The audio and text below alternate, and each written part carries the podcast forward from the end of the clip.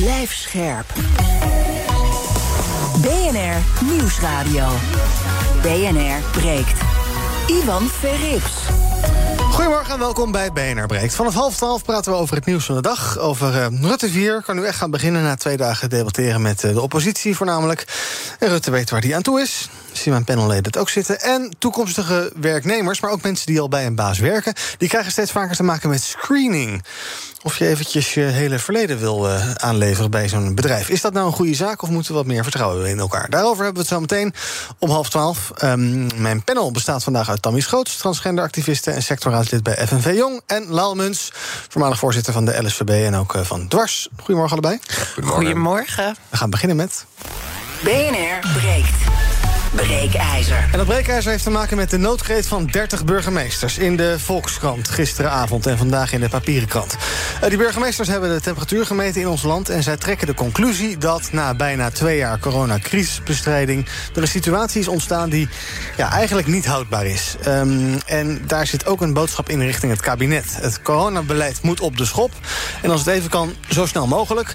We zien allemaal de besmettingscijfers door het dak gaan... maar tot code zwart leidt het allemaal niet meer. En dus is het tijd om alle strenge regeltjes los te laten... en wat minder repressief te worden, zeggen zij. In een uh, uh, opiniestuk, zeven pagina's, 30 burgemeesters... geschreven onder andere door Paul de Pla van Breda... en Femke Halsema van Amsterdam. En nog heel wat ondertekenaars, andere burgemeesters van grote steden. Ons breekijzer vandaag is... de burgemeesters hebben gelijk, het coronabeleid is veel te dwingend. Ik ben heel benieuwd wat jij daarvan vindt. Misschien zeg je wel, nou ja, een beetje rustig aan.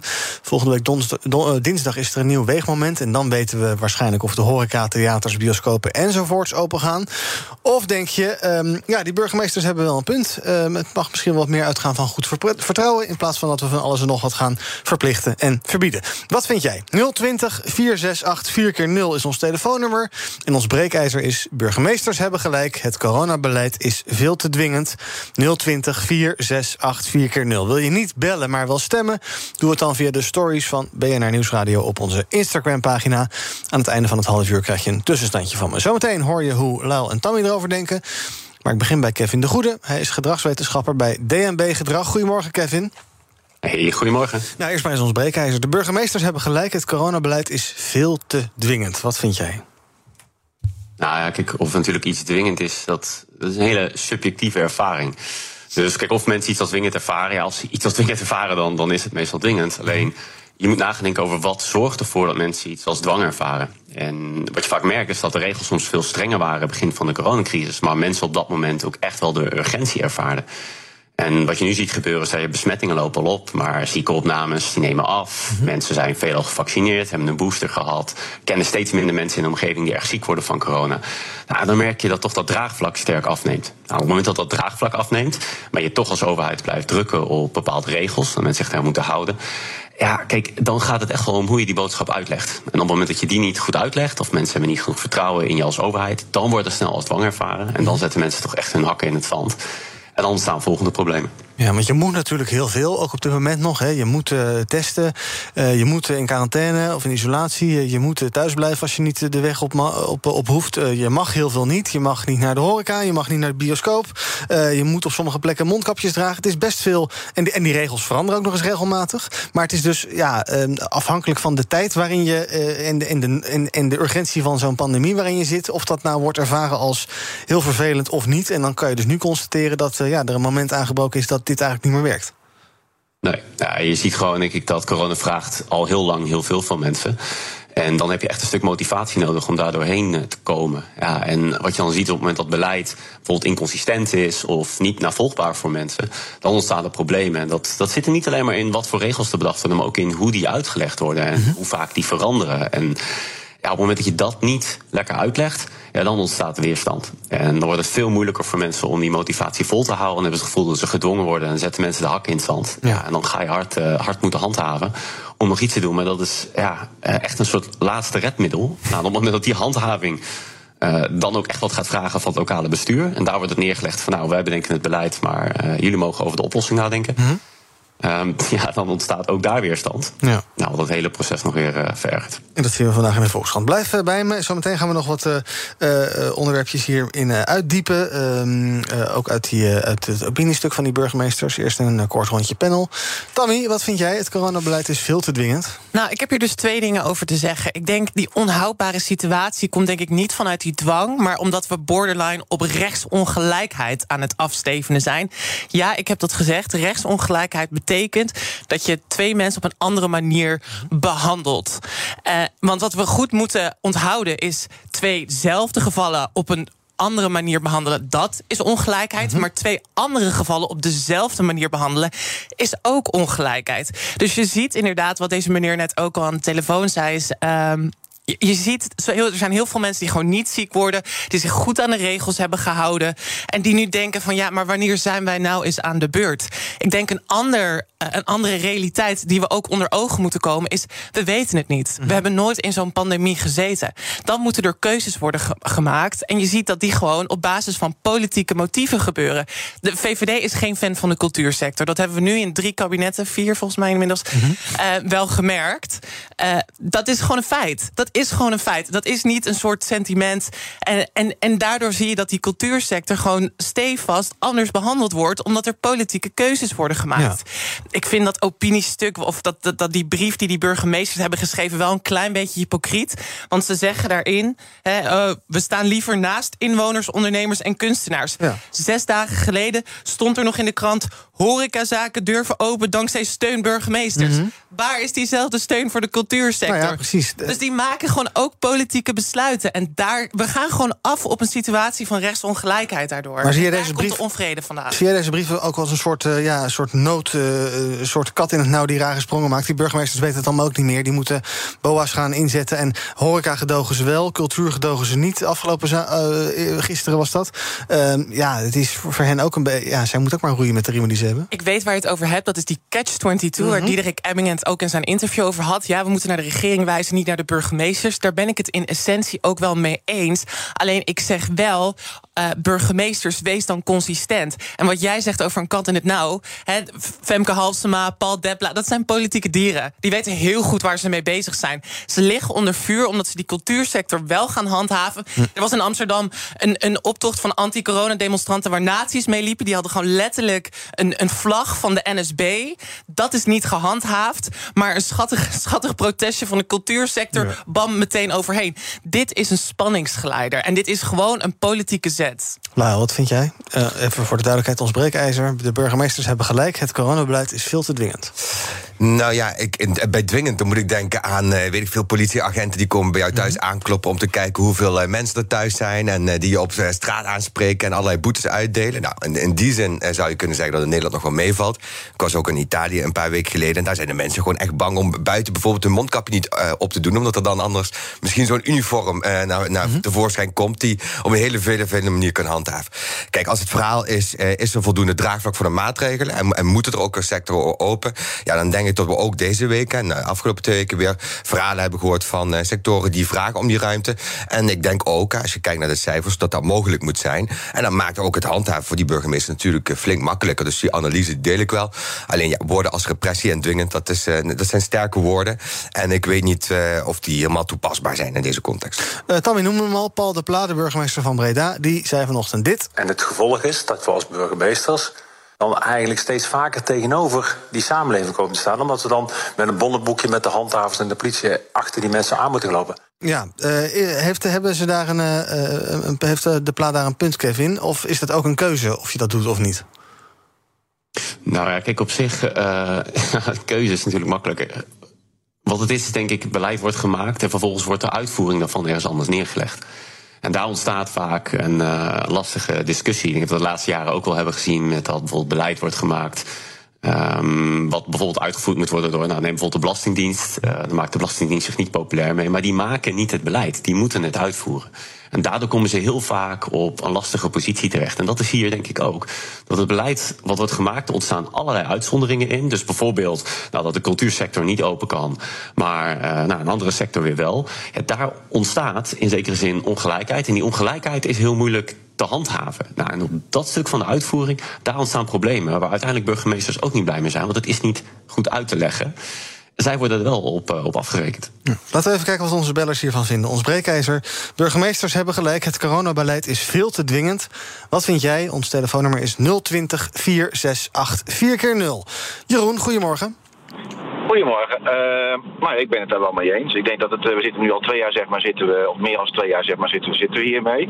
En uiteindelijk is het ook gewoon niet meer uit te leggen. Kijk, en, uh, en er is nu ook al gebleken, zeg maar, dat eigenlijk zeg maar, het stukje pressie uh, van, dus van dwang en, en dat je dingen moet, dat het wel steeds moeilijker, zeg maar, is ook voor de, ook voor de mensen. Ik zie het ook om me heen, dat heel veel mensen die, zeg maar, in eerste instantie ook zeiden van, nou, ik ga erin mee, dat die toch ook wel zeggen van, ja, jongens, waar, waar, waar eindigt het, hoe ver moet het gaan? En als je dan ook een stukje kijkt naar ondernemers, weet je, die mensen zitten echt met, met hun handen zitten in, in hun haar.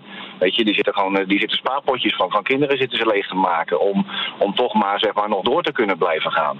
Weet je, en, uh, ja, en vooral natuurlijk als je dan het financiële verhaaltje erbij pakt. Uh, ja, weet je, hoe, hoe, hoe, lang moet je dan door blijven gaan? Weet je, en ja, dat zijn wel de dingen, zeg maar, die ik dan uh, erg moeilijk vind. Kijk, en ondernemers, die zullen, die zullen zich misschien niet altijd uitspreken, omdat ze dan toch zeggen dat ze bang zijn zeg maar, om iemand tegen het hoofd te stoten. Uh, bepaalde dingen die we misschien vinden. Alleen als ik om me heen kijk, zeg maar, nou dan, uh, dan zie ik heel veel ondernemers toch ook al met, met depressies lopen. Ja. Die, echt, die het gewoon niet, niet meer zien zitten. Kijk, en dat zien die, die, die burgemeesters zien dat ook. Die spreken ook met die, met die horeca-ondernemers en met, met zeg maar, zaken die nou gesloten zijn. Kijk, en dat, dat is niet meer te verkopen. Wat is de oplossing? Nou ja, in, in, wat, wat er nu in de, Tweede Kamer gesproken wordt, zijn meest 2G. Maar ja, ik denk dat je daar ook weer gewoon heel veel mensen zeg maar, tegen de haren mee in gaat strijken. Ja. Dus uh, kijk, en, en het is wel zo, dat als we nu kijken naar landen om ons heen, dan zeggen ze eigenlijk van nou, Spanje is er al bezig, Engeland is er al bezig. Van nou, we gaan corona eigenlijk gewoon uh, zien voor wat het is. En uh, we gaan het nu meer beschouwen als een, als, als een griep en als iets wat erbij hoort. Kijk, en dat, dat lezen de mensen ook om, om zich heen. Dus die zeggen op een gegeven moment ook van ja, waarom moeten wij in Nederland allemaal zo, zo streng gaan doen, terwijl we in andere landen om ons heen hele andere zaken doen. En wij natuurlijk in België is natuurlijk alles open geweest. Ja. Uh, dus ja, ik vind sowieso het één Europa-beleid, waar we het dan altijd over hebben, dat blijf ik nog steeds zo vreemd vinden. Dat je dus één Europa hebt en dat elk land maar een beetje doet met corona wat ze zelf leuk vinden. Dank Jeroen. Anjo, goedemorgen. Ja, goedemorgen. Ik heb maar een kleine bijdrage in de, binnen, dit, binnen al dit geweld. Mm -hmm. En dat is misschien een punt waarop, uh, waarop ik vind dat er dus juist te weinig uh, serieus uh, achterna gezeten wordt. En dat is wat betreft de scholen. de ventilatie in klaslokalen die was al heel erg slecht. En dat is men op een gegeven moment langzamerhand tot ontdekking gekomen. En eerst tijd hebben we nog gezegd, nou laat die scholen maar een beetje sudderen. Terwijl serieuze ventilatiesystemen installeren had in een veel sneller tempo kunnen worden gedaan. Er zijn zo, is zelfs apparatuur dat je gewoon in de klas neerzet en die lucht zuivert. En uh, dat hele verhaal is gewoon uh, heel onderbelicht gebleven en met heel weinig druk neergezet. Ja, dat had beter gekund, dus dank. En tot slot van dit blokje even Ruben, goedemorgen. Goedemorgen, Ruben. Ja, ik ben, ik ben het gewoon mee eens met de burgemeester om dit niet te handhaven. Maar ondernemers zitten gewoon, uh, gewoon echt uh, hand in de haren, gewoon echte problemen. Mm -hmm. Dus als ze gewoon uh, parlementleden ook zonder inkomsten kunnen willen werken, dan mm -hmm. zijn wij ook bereid. Omdat gewoon, zij zitten gewoon vol geld te verdienen, gewoon wat, wat ze normaal moeten verdienen. Ja. Maar ondernemers zitten in het probleem.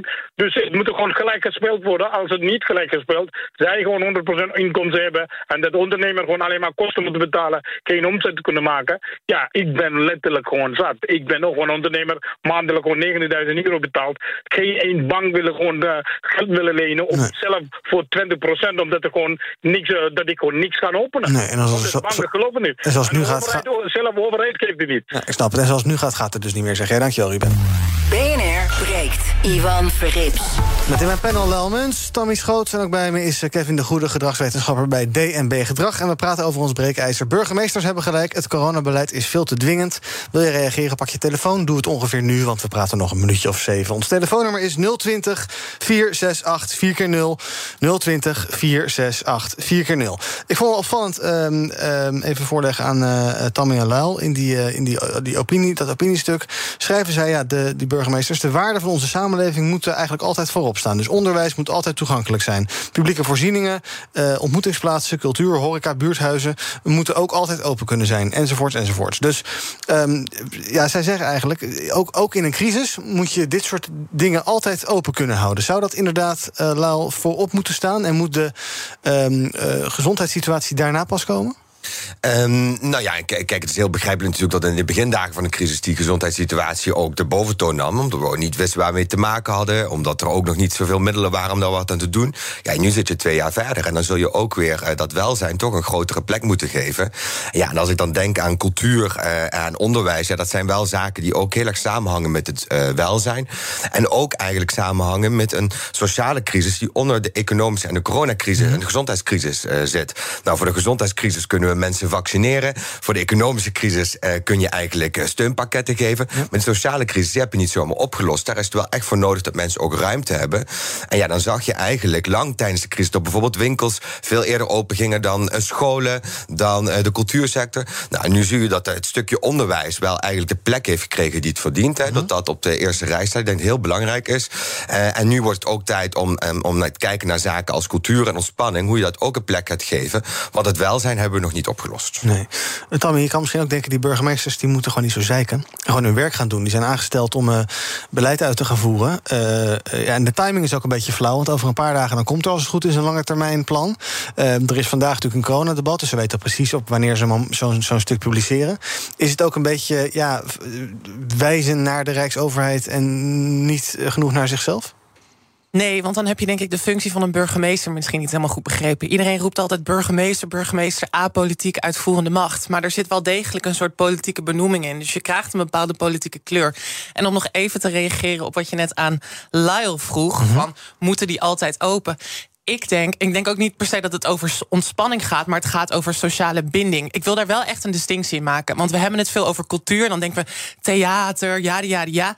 De mensen die naar theater gaan, die hebben natuurlijk, weet je, die hebben geld, die hebben een soort politieke slagkracht om dat te openen. Waar ik me meer zorgen over maak, zijn de buurtcentra. Mm -hmm. Zijn de kleinschalige initiatieven van cultuur. Die hoor je bijna niet in deze discussie. Dat komt omdat ze vaak helemaal niet die connecties hebben. Die mensen die hebben het Van den Ende Theater en zo, weet ik veel hoe het heet. Ja, Carré en, Carré ja, ja. en zo wel hebben. Dus die, die komen wel voor zichzelf op. En tuurlijk, je merkt nu inderdaad dat zij het ook hoog hebben zitten. Maar die buurtcentra, waar soort kleinschalig hè, de buurtkinderen een optreden geven, waar de hangjongeren een plek hebben om te zitten, dat is belangrijk. En dat is ook cultuur. En dat is veel, want, en dat zorgt voor die sociale binding in de buurten. Dus ik zeg, goh, die moeten altijd open blijven. Buurtcentra moeten open blijven. Want anders dan krijg je, dan krijg je spanningen. Ja. He, wat we hebben gezien aan het begin van die crisis... dat er honderden jongeren op zo'n strand uh, uh, gaan zitten rellen. was in ja. Eiburg hier in Amsterdam.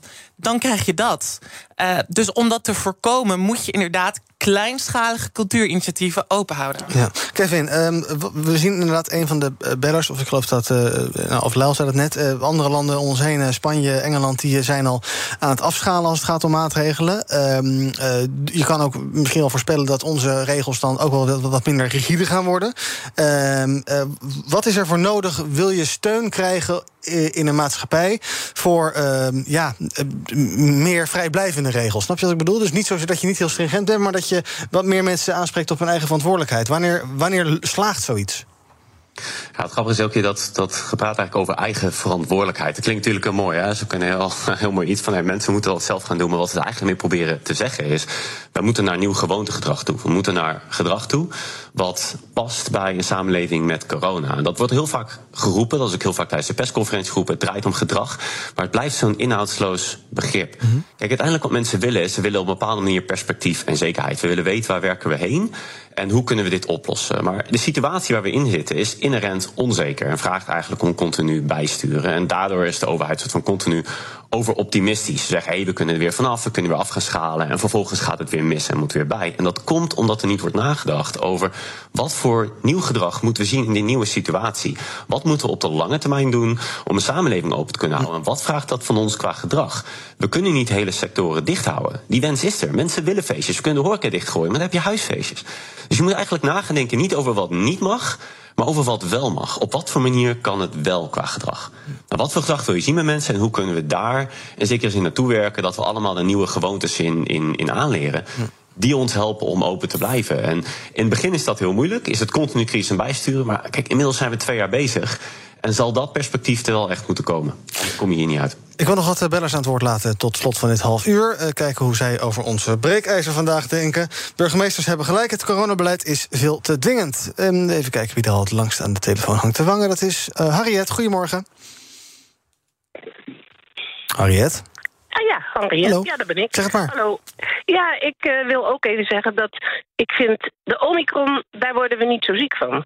En um, het is ook een groot deel inderdaad uh, de eigen, de eigen um, verantwoordelijkheid van mensen van wat doen we. Mhm. En en daar, en kinderen natuurlijk op school, ja, god, iedereen, iedereen krijgt het. Iedereen zal het ook gehad hebben zonder dat ze het misschien weten. En dat, dat, er zijn heel veel van mijn kennissen die dat zo ervaren. Mhm. Maar wat, wat heel anders is, is dat iedereen heeft nu langzamerhand de buik vol van het feit dat uh, we niks mogen. Ja. En uh, er is bekend dat de Omicron komt uit Zuid-Afrika en waarschijnlijk van iemand die het uh, heeft. daar, daar zijn mensen die dus slecht HIV hebben, Mm. veel HIV-patiënten. En die mensen die, die, die kunnen dus zo'n COVID niet. Um, die, die, die, die zetten zo'n COVID-virus om. Uh, deze keer was het Omicron, daarvoor was het Delta. Maar er kan na de Omicron nog wel iets komen wat veel gevaarlijker is.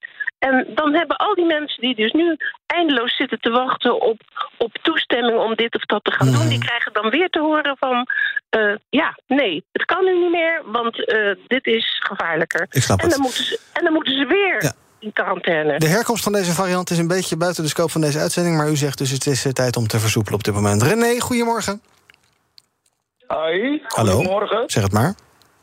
Ja, ik heb als Amsterdammer vind ik het helemaal kolder.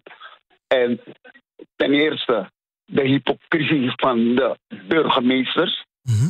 Als ik hier om de hoek van mij, de grootste theater, en een paar meter verder is er een koffieshop die open gaat. Of die open zijn. Ja. Huh? En dan vraag ik me eigen af waarom vrienden van mij uit het buitenland. What's happening here? Huh? Een cultuur waar je wat van nog kan leren. Ja? Ja. Waar je nog daar kan ontspannen. En dan is een koffieshop open. En een paar honderd meters verder is die theater dicht. Ja, jij snapt dat verschil niet en dat zorgt eh, duidelijk niet voor draagvlak bij jou. Dank. Eh, John, goedemorgen. Goedemorgen, Hallo, zeg het Ik maar. wil even reageren. Eh, het, het is nu na twee jaar gebleken, ondanks alle vaccinaties, dat we nog gewoon steeds een besmetting kunnen krijgen. En dat ons lichaam in de loop van de tijd gewoon moet leren, net als een griep, mee om moet leren gaan met een coronavirus. En de, de dwingende maatregelen die de afgelopen jaren opgelegd zijn, dat heeft nu wel gebleken. In het begin gaat iedereen erin mee, maar het verzet wordt met de dag groter. Omdat ze geven geen duidelijkheid. En een regering moet eens, en de politiek moet ook eens eerlijk zeggen van... Wij weten het niet. Wij hebben een keus gemaakt om alles dicht te doen. Het is een verkeerde keus gebleken. Het kan open. Ja, en daar vind jij dat het nu tijd voor is, duidelijk. Doe nog twee bellers, heel kort graag, want dan eh, lopen we niet al te veel uit. Marcus, goedemorgen. Ja, goedemorgen. Ik wou eigenlijk zeggen dat er juist veel te weinig gehandhaafd is. Er is de hele tijd maar toegekeken of het niet uit de hand liep. Rellen. Er is hier op oude jaren is hier een keihard feest geweest met keiharde muziek met honderd mensen. En de, de politie die, die, die liep maar een beetje heen en weer toe te kijken. Had veel wat verder gemogen. En dat was van half elf tot half vier. Toen hebben ze pas ingegrepen. En dat komt omdat ze grijpen niet in, omdat ze zich niet gedekt voelen door de, door de burgemeester. Ja, waarschijnlijk werd het half vier pas leuk, denk ik. Dank voor het bellen. En tot slot, Jonathan, goedemorgen. Uh, goedemorgen. Um, hallo? Ja, mij? nee, zeker. Vertel. Oké, nou perfect. Nee, eh, ik, ik ben het er niet mee eens. Ik denk niet dat het eh, eh, be- beleid te repressie- eh, repressief is, eh, te dwingend. Eh, want het is wel gebleken dat eh, als eh, het niet dwingend is, dat we ons toch niet eraan houden. Maar de discussie is natuurlijk gewoon ehm, of je het nu nog eens bent met de inhoud van het beleid. Maar als je eenmaal hebt gekozen voor een bepaald beleid, dan denk ik dat het wel gewoon goed eh, gehandhaafd moet worden en gewoon dwingend moet zijn. Want anders houden we ons toch niet eraan. Want we zijn een eigenwijs volkje, dus dat, dat doen we gewoon niet. Ja, ik heb weinig vertrouwen in het eh, eh, individu dus... en de verantwoordelijkheid die we daarin zelf kunnen nemen. Dank voor het bellen. Ons breekijzer was burgemeesters hebben gelijk. Het coronabeleid is veel te dwingend. Op Instagram is zo'n 80% het daarmee eens. Je kan nog de hele dag stemmen. Ik eh, neem afscheid van Kevin de Goede van DNB Gedrag. Dank dat je erbij was. En zometeen gaan we verder praten met Lau en Tammy... over het nieuws van de dag. Ehm, gaan we natuurlijk ook nog even stilstaan bij ja, The Voice of Holland. Vandaag komt eindelijk die lang verwachte aflevering van Boos. En een eh, background check voor werknemers.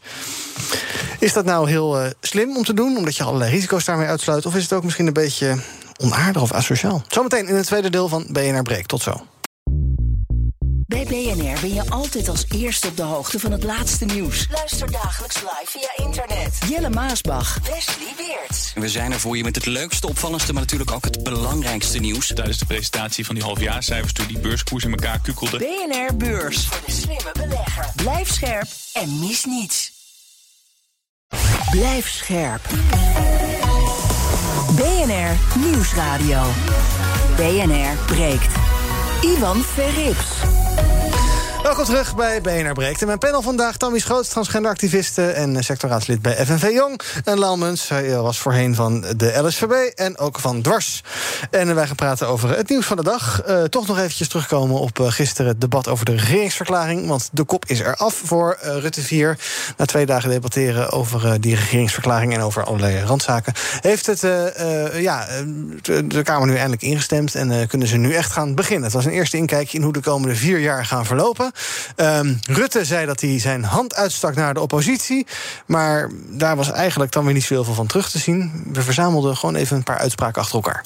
Voorzitter, dit is het kabinet van het onfatsoen. Het is de valse start van dit kabinet Rutte 4. Het nieuwe kabinet erkent dat er grote problemen zijn in de jeugdzorg en in de ouderenzorg. Ze zijn onfatsoenlijk omdat ze AOW'ers laten stikken. Het kabinet kiest er niet voor om een eerlijk en sociaal belastingstelsel in te voeren. Wij hadden gedacht dat als hier nou wezenlijke stappen gezet zouden kunnen worden vandaag... dat dat misschien iets zou kunnen hebben geholpen. Maar niks van dat is uh, het geval, voorzitter. Dit waren niet toevallig allerlei Kamerleden van de oppositie... die het uh, niet zien zitten, nog uh, drie jaar uh, Rutte 4. Um, ja, Tammy, het eh, gaat allemaal wel gebeuren. En eigenlijk, um, in dat debat rond de regeringsverklaring... heeft de oppositie ook niet zoveel klaar weten te spelen. Want ja, bijvoorbeeld die, het koppelen van de AOW met de minimumloon... dat komt niet terug. Um, ja, er is eigenlijk niks veranderd. We hebben twee dagen ouwe hoert en iedereen deed een plas. Het blijft zoals het was, enzovoort. Ja, dat komt denk ik ook omdat... punt 1, ze maken niet één krachtige vuist, denk ik. Maar kijk, ze hebben natuurlijk wel gelijk. Je ziet niet een soort fundamentele shift van uh, belasting op arbeid naar belasting op kapitaal. En dat is best wel schrijnend als je denkt dat wij een belastingparadijs zijn. Maar ik wil toch één ding, ik wil toch even opnemen voor Rutte 4. Mm. Echt heel erg dat ik dit zeg. Er wordt de hele tijd gezegd: dit kabinet smijt met geld. Mm. Dat is gewoon niet waar. We zijn allemaal onderhevig, hè, of je dat nou leuk vindt of niet, aan het stabiliteits- en groeipact van de EU. Dat betekent dat je 3% schuld mag van je BBP en 60% uh, staatsschuld mag opbouwen. Dat is het maximum ter referentie. Het Centraal, Bureau, uh, het Centraal Planbureau heeft uitgerekend dat in 2025 we slechts op 2% schuld van het BBP gaan zitten en 56% schuld, 56% staatsschuld ter referentie. De staatsschuld van Duitsland, hè, een van onze grote welvarende buren, die is 59,6% op dit moment. Dus dat er wordt gezegd vanuit de oppositie: ja, dit, dit kabinet smijt met geld, mm -hmm. het is links, staatsschuld op laten lopen.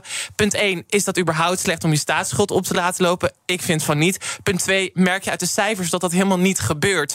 Dus wat ik vind van de, van de oppositie is dat ze soms ook met losse flodders aan het schieten zijn. Wat ik wel echt schrijnend vind, is wat, wat Rutte doet. En dat vind ik echt laag. De Wajong omlaag halen. Mm -hmm. Dus de Wajong voor jongeren die niet kunnen werken omdat ze een beperking hebben. Of hè, psychische klachten. Die gaat echt, die is nu al ter referentie iets van 800 euro. Nou, probeer daar maar eens een keer van rond te komen. En die gaat nog eens een keer omlaag. Ik vind het schrijnend. Dat vind ik, eh, daar hadden ze met z'n allen op moeten focussen. Ja. En, en de PVV die zegt ja, voor de AOW'ers, jullie komen niet op voor de AOW'ers. Stop dan met mee te stemmen met het economisch beleid van de VVD, PVV. PVV.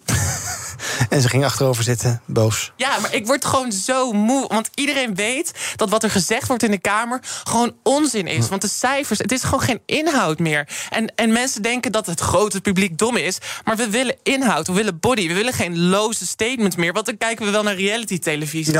En dat snapt die oppositie niet. We willen cijfers, we willen inhoud, we willen rust, we willen verbinding. We willen geen. ge- iedereen is populist tegenwoordig. Nou, ik word er helemaal mijn sjoggen van. Ja. Lau, het idee was eh, van eh, eh, Rutte 4, eh, er is een coalitieakkoord, er zitten nog wat losse eindjes aan en dat gaan we met elkaar gaan we dat eh, invullen.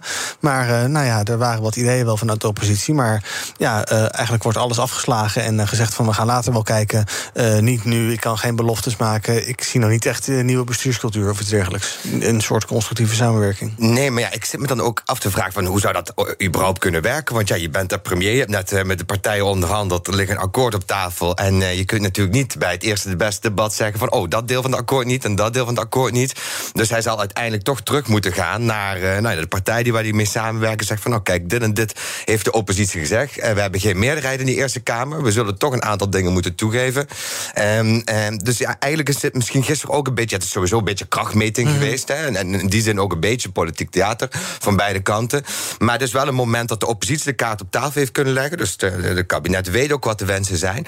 En ze zullen op een aantal van die wensen eh, tegemoet moeten komen. Maar wat dat dan is, ja, dat eh, moet de komende weken en tijd eh, duidelijk worden. Ja, en daar is de Kamer ook zelf natuurlijk bij. Maar Daar zijn ze zelf bij. als zij met eh, 19 monden praten, want 19 Ja. clubs, dan ja. Ja, alleen ik moet wel zeggen, eh, als je bijvoorbeeld kijkt tot eh, PvdA, GroenLinks, maar zelfs ja 21, die sluiten hè, op een gegeven moment een soort van bondje. Partijen die niet elkaars eh, natuurlijke bondgenoten zijn, die gaan zeggen van ja, we, gaan, we moeten wel wat aan eh jeugdloon doen bijvoorbeeld, of wel wat aan die AOW doen. Nou, dat zijn ook precies de partijen die een kabinet nodig heeft eh, om eh, in die Eerste Kamer een meerderheid te krijgen.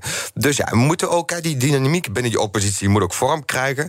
Ehm, eh, en er is absoluut wel nog wel werk aan, te winkel, eh, aan de winkel. Ja, we hebben het net gehad over de inkomstenkant. Eh, de staatsschuld, ja, die, met de uitgaven die op de planning staan, zou het wel degelijk oplopen. Na 2025 had het CPB erover dat het tot zelfs tot in 90% kan oplopen. Nou, dan moet je wel kijken hoe je dat wel wil doen. Je moet wat aan de inkomstenkant doen. En je zult, en met de zorg was een groot discussie. Dus er zijn genoeg discussies om te voeren. Ehm, en we hebben een spannende tijd tegenwoordig. Ja, ja, Rutte zei geloof ik 92% gaan we niet meemaken. Maar Ja, en het oplopen van die staatsschuld. Sorry, ik moet daar toch even over. Ik moet het er toch even over hebben. Eh, Kijk waar dat vandaan komt. Dat komt ook door die coronasteunfondsen die we krijgen. Dat komt ook door herstel in de maatschappij. Dus moeten we dan weer een soort rigide bezuinigingsmaatregelen door gaan voeren? En ik vind echt dat wat jij zegt, Luil, speelt in op dat narratief. Dit is gewoon een narratief wat zo meteen weer gebruikt gaat worden om ons weer helemaal kapot te bezuinigen. Ja, de staatsschuld mag niet te hoog oplopen. Nee, nee, nee. Hoezo niet? Hoezo, hoezo mag dat niet? Nee, je, je staatsschuld die kan oplopen. eh, maar je moet wel kijken aan je inkomstenkant, hoe je er ook wat doet. En dan komt iets als een kapitaalwinstbelasting bijvoorbeeld in eh, het oog. En daar ging het gisteren ook over. Maar je moet wel, als je uitgaven hebt, ook aan je inkomsten wat doen. Het uitgeven van geld is niet erg. Het laat oplopen van de staatsschuld ook niet heel erg. Zolang dat maar niet te veel buiten proportie is. En dat eh, zien we nu misgaan. We gaan over ander nieuws eh, van vandaag praten in het Financiële Dagblad. Werkgevers die laten personeel steeds vaker doorlichten bij ja, allerlei screeningsbedrijven. En bij die screening wordt dan gelet op je werkervaring. Klopt je cv wel? Heb je wel de diploma's die je zegt dat je hebt? Heb je misschien ergens problematische schulden? Heb je een strafblad? Werkgevers willen op die manier integriteitsrisico's en ook risico's eh, rondom werken vanuit huis indekken. Want ja, je hebt je werknemers toch iets minder goed in zicht. Ze zitten niet meer bij je op kantoor.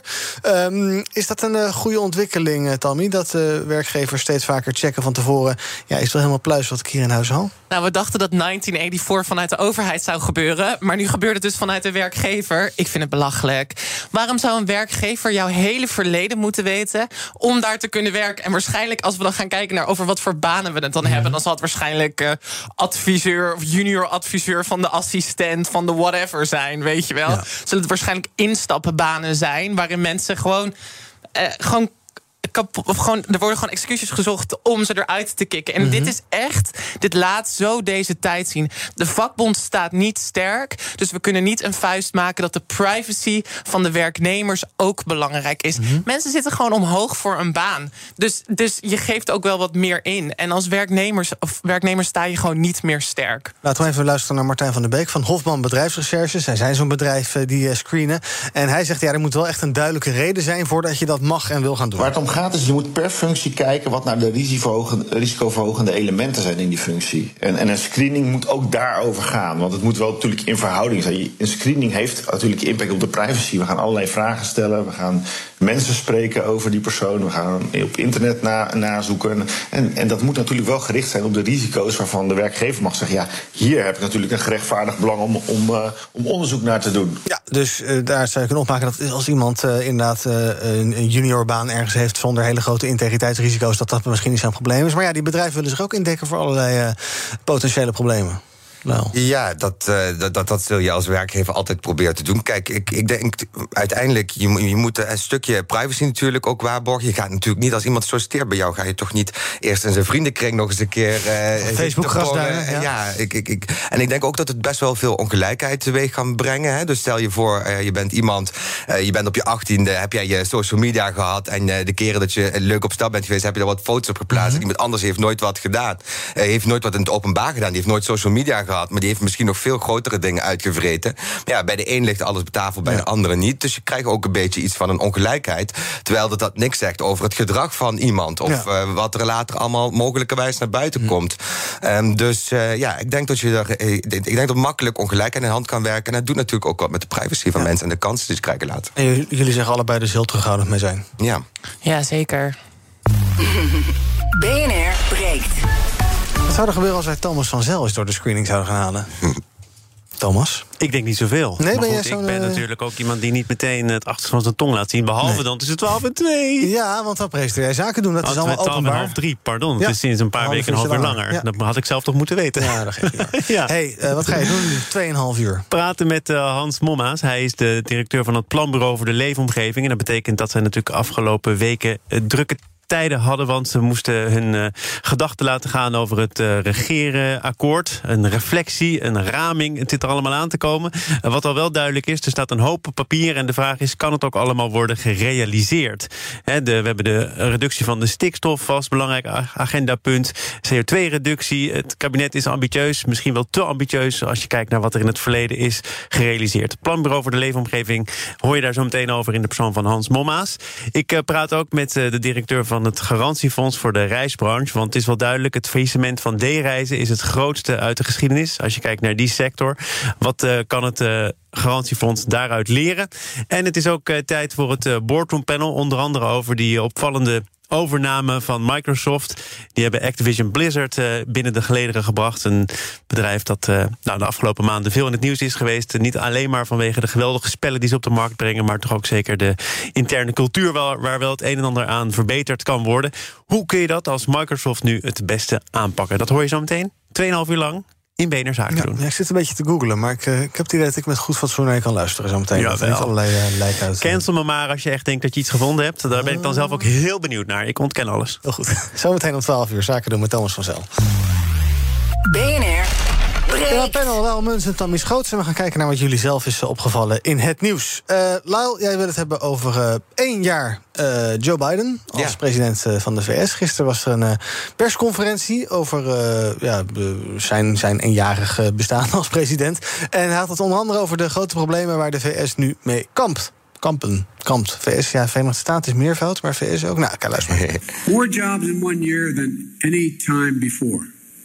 Unemployment dropped, the unemployment rate dropped to 3.9%. Child poverty dropped by nearly 40%, the biggest drop ever in American history. Still, for all this progress, I know there's a lot of frustration and fatigue in this country. And we know why. COVID 19. Omicron has, has, has now been challenging us in a way that uh, it's the new enemy. But while it's cause of for concern, It's not cause for panic. Ja, Lau, uh, Biden is uh, erg blij met zijn eerste jaar. Ja. De rest van Amerika niet zoveel, geloof ik. En eh, ja, ik, ik, ik weet nog, kijk, Biden is natuurlijk verkozen, hè, ook binnen de democratische kandidaten die er destijds waren, omdat hij zoveel ervaring had. En hij zou dan de gematigde kandidaat zou zijn. En hij zou dan, dan voor zorgen dat, eh, dat, ze dat de democraten verkiezingen binnenhalen. Nou, dat hebben ze aan zich gedaan. Eh, alleen het idee van een ervaren bestuurder die de controle eh, neemt over het land en dan alles ook de goede banen inleidt, ja, dat beeld is wel een beetje afgebrokkeld ook na een jaar. En eh, ik maak me er wel heel veel zorgen over. Je hebt sowieso in de Verenigde Staten, eh, volgend jaar zijn er weer congresverkiezingen. Nou, zo'n meerderheid in congres die heeft een president nodig om ook wetten te kunnen doorvoeren. Hele grote kans dat met de lage populariteit die Biden heeft, dat dat nu eh, eh, dat hij die meerderheid gaat verliezen. En dat de rest van zijn presidentschap eigenlijk lamarm wordt. En waar misschien iemand als Obama nog een soort van morele autoriteit had, terecht of niet terecht, maar in ieder geval wel dat gewicht ook in het publiekelijk debat kan neerleggen. Zie je, zie je eigenlijk dat hij, ja, dat ze vooral bang zijn voor zijn gaffes of dat hij iets, eh, iets fout zegt en dat hij een beetje, eh, eh, ja, niet al te veel publieke optredens maar moet doen. Nou, en eh, ja, als dat dan de hoop is van progressief Amerika en daarmee misschien ook maar eh, een beetje de, de hoop in het verlengen daarvan van de pro- progressieve deel van de wereld, ja, dan staan we er niet heel erg goed voor. Ehm, eh, en ik, ja, ik word er wel een beetje, een beetje cynisch van. Dat je ziet dat eigenlijk na een jaar al ehm, ja, die, die, die legitimiteit ehm, heel erg onder druk staat. En zijn populariteit ook heel erg onder druk staat. Eh, en dat je eigenlijk eh, zo weer ziet gebeuren dat iemand als Trump herverkozen eh, raakt. Ja. Ehm, eh, ja, zelf was hij dus op zich wel enthousiast. Wat kan hij doen, denk je, om het vertrouwen te herstellen? Nou, ik denk dat het nu ingewikkeld is. Hij heeft nog hij heeft, hij had, hij twee belangrijke wetsinitiatieven. Dus één ging erover dat hij natuurlijk de economie geheractiveerd moest worden. Nou, en daar was draagvlak wat dat heeft hij gedaan. De andere was infrastructuur, dat hij heeft binnengehaald.